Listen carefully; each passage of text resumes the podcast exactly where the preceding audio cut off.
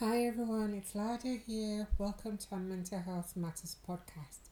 Today I will be talking about alcohol. Now, alcohol uh, is an everyday word, although it is a psychoactive drug. A lot of people don't realize that alcohol is a psychoactive drug and it contains um, chemically uh, ethanol, which is a chemical name, and it is one of the most common recreational substances that, and actually the oldest that people use. Um, so what what what is it about alcohol? It's it's been postulated, it's been said several times that alcohol um, in little quantities that you can take um, you know uh, as much you can take little bits of alcohol it's actually good for you uh, for your physical health and um, people tend to go over the even the little bits of uh, alcohol that has been said to be hypothesized as being good. And recent research has actually shown that even the quantity that they had said in decades ago that were good are no longer good. So, what do we say about alcohol? What is the quantity that is recommended for alcohol? How much is safe to drink? Now, what is recommended is no more than 14 units of alcohol a week. Now, some some alcohol will have the number of units in the bottle, um, but a lot of them still don't. And example of what the 14 units contain or entails as follows. So for both men and women, for no more than 14 units of alcohol per week is advised. And this is equivalent to six pints of 4% beer, six glasses of 13% wine. Now that is uh, assuming that's uh, 175 ml glass. 14 glasses of 40% spirit. Now that's assuming it's 25 ml glass. So even though it's been said that 14 units is good or is okay, no more than 14 units, however, even if this is consumed within a day or within a very short space of time, there will still be effects. So, noting that the weekly units can be misleading, and even if you know you drink that quantity, just I'll you know you just go I'll just take all that quantity a day and then not do anything over weeks. It can have effects. It can be harmful. So, let's talk about why people take alcohol. Now, there are different immediate effects. Little quantities of alcohol can help people to relax. Some people can take it in social settings because you know it helps them to relax and helps them, especially for shy people, and helps them to mingle and uh, relate to people and you know um, uh, get along in that social setting. However, the other thing to note is if this goes on, then the effect becomes more pronounced. Rather than having that little bit of relaxation that it offers, it gives it moves on to the harmful effects which impair driving, impair impair inhibition, people become disinhibited. They do things they would normally do. They act and say things that they normally won't do. Some can become sick, some can pass out, and even dangerously, they can drive and kill people. So, those are the things that we can uh, look at when we talk about the immediate effects of alcohol. That's the positive and that's the negative side. So going on, why uh, do pe- because people feel alcohol helps to relax, they think alcohol can help their mood. Whereas in actual fact, it's been proven that alcohol has a depressant effect in people. Now, the more people drink, the more likely it is that alcohol will harm them. What are then the physical effects of alcohol? Now, for physical body, alcohol affects your stomach. It can affect uh, the covering of the stomach where it erodes it, and gradually the lining, the covering starts to wear off and it goes deep and deep and deep and deep and causes an ulcer or can cause uh, or bleeding. I also talked about people who take alcohol and then pass out, people who take alcohol and then become sick. So, through the continuous retching from the sickness, they can hurt their gut pipes, which can lead to bleeding and, in some severe cases, needing surgery. Also, alcohol affects the liver. It causes a huge damage to people who take alcohol over long periods and who take huge quantities of alcohol. It also, uh, it's also been proven that it predisposes people to cancer. Um, it, it's uh, also uh, been associated with malnutrition. It affects the heart as well. It makes people prone to stroke. It worsens fits epilepsy.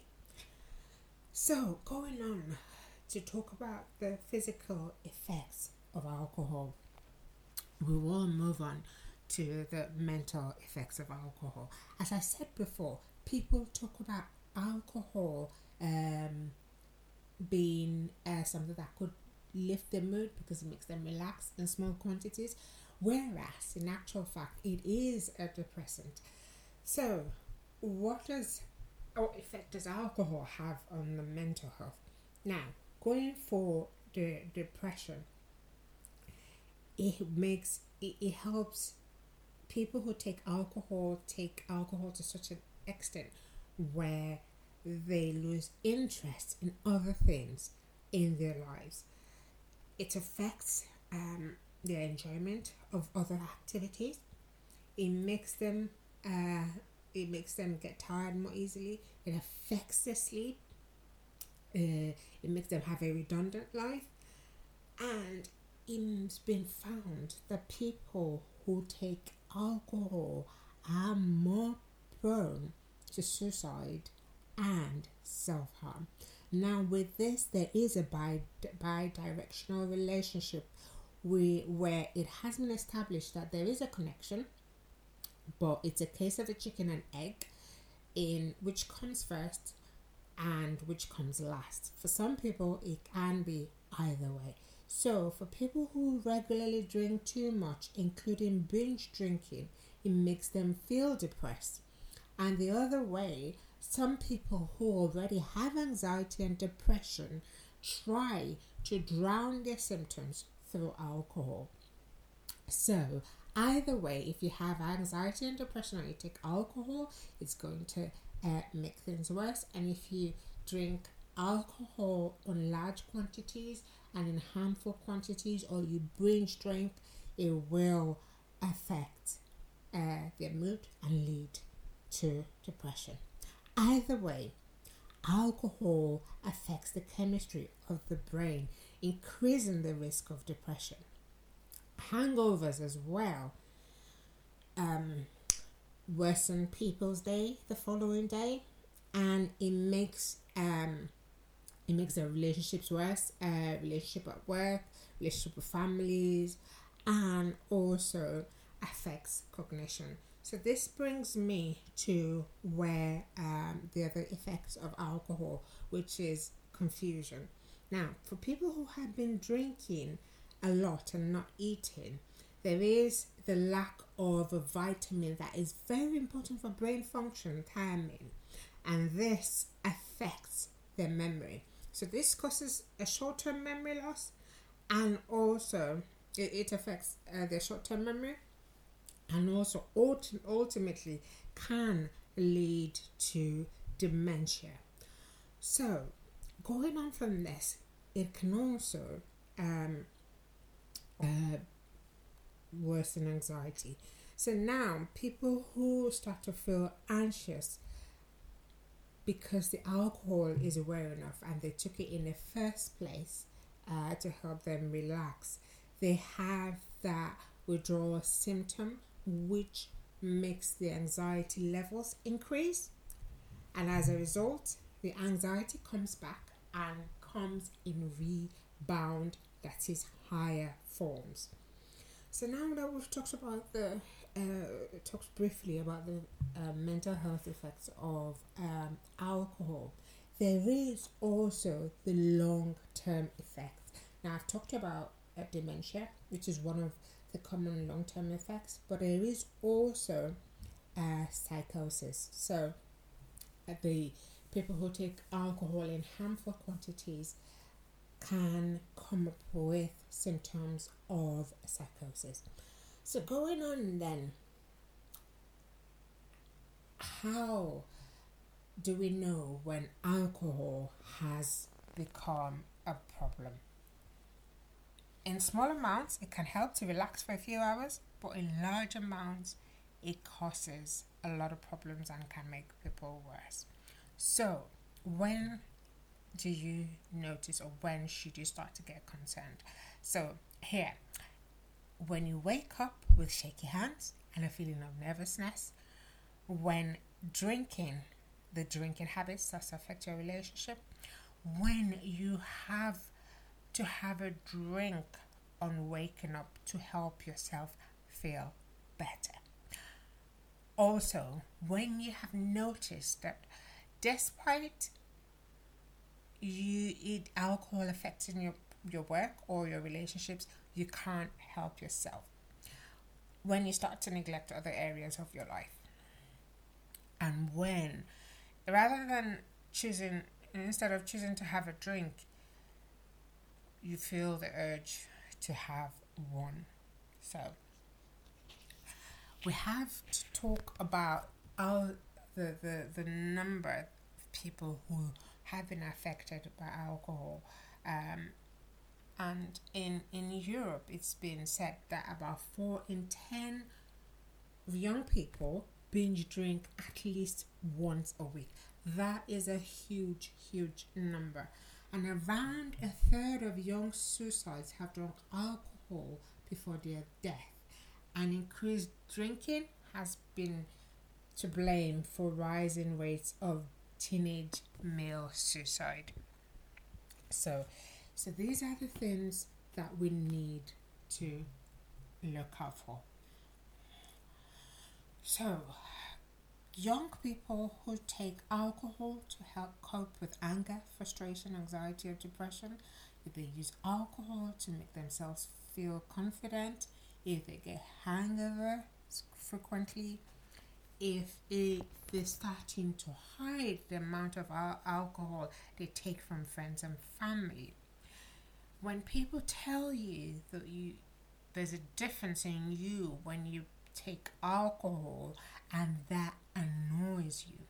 When you think, when you start to think in your mind that you need to drink more and more to feel good, to get that buzz that you used to get from alcohol, when you neglect other areas of your life, and when you start drinking first thing in the morning after a night out and you need a drink to wake yourself up in the morning. So, having having talked about alcohol and how much of an effect it has. Should people also drink alcohol? As I said earlier, there are specific quantities that have been addressed and have been stated as not being too much. People who drink socially, who know the, the quantities they should take, already um, know this, and I have said the exact quantities earlier. So, what would happen if you have noticed or you've noticed a loved one has that problem with alcohol? First is the recognition that there is a problem. There is a problem with the alcohol consumption, and if any of the warning signs and the things I've talked about are present, it is paramount to seek help. Go to your doctor, go to your mental health professional, talk to your family, talk to your loved ones, your friends, and express this. The first step really is recognition and seeking help. Then all the other steps can follow, such as um, having sticking to the limit that has been talked about the 14 years, both for men and women, and also having a family, friends, and support involved. In different countries, their supports um, supports uh, in, in different areas. So all you need to do is go online and look for support for alcohol problems or alcohol difficulties. There are several groups out there who help people um, with alcohol aside the mental health and medical professionals.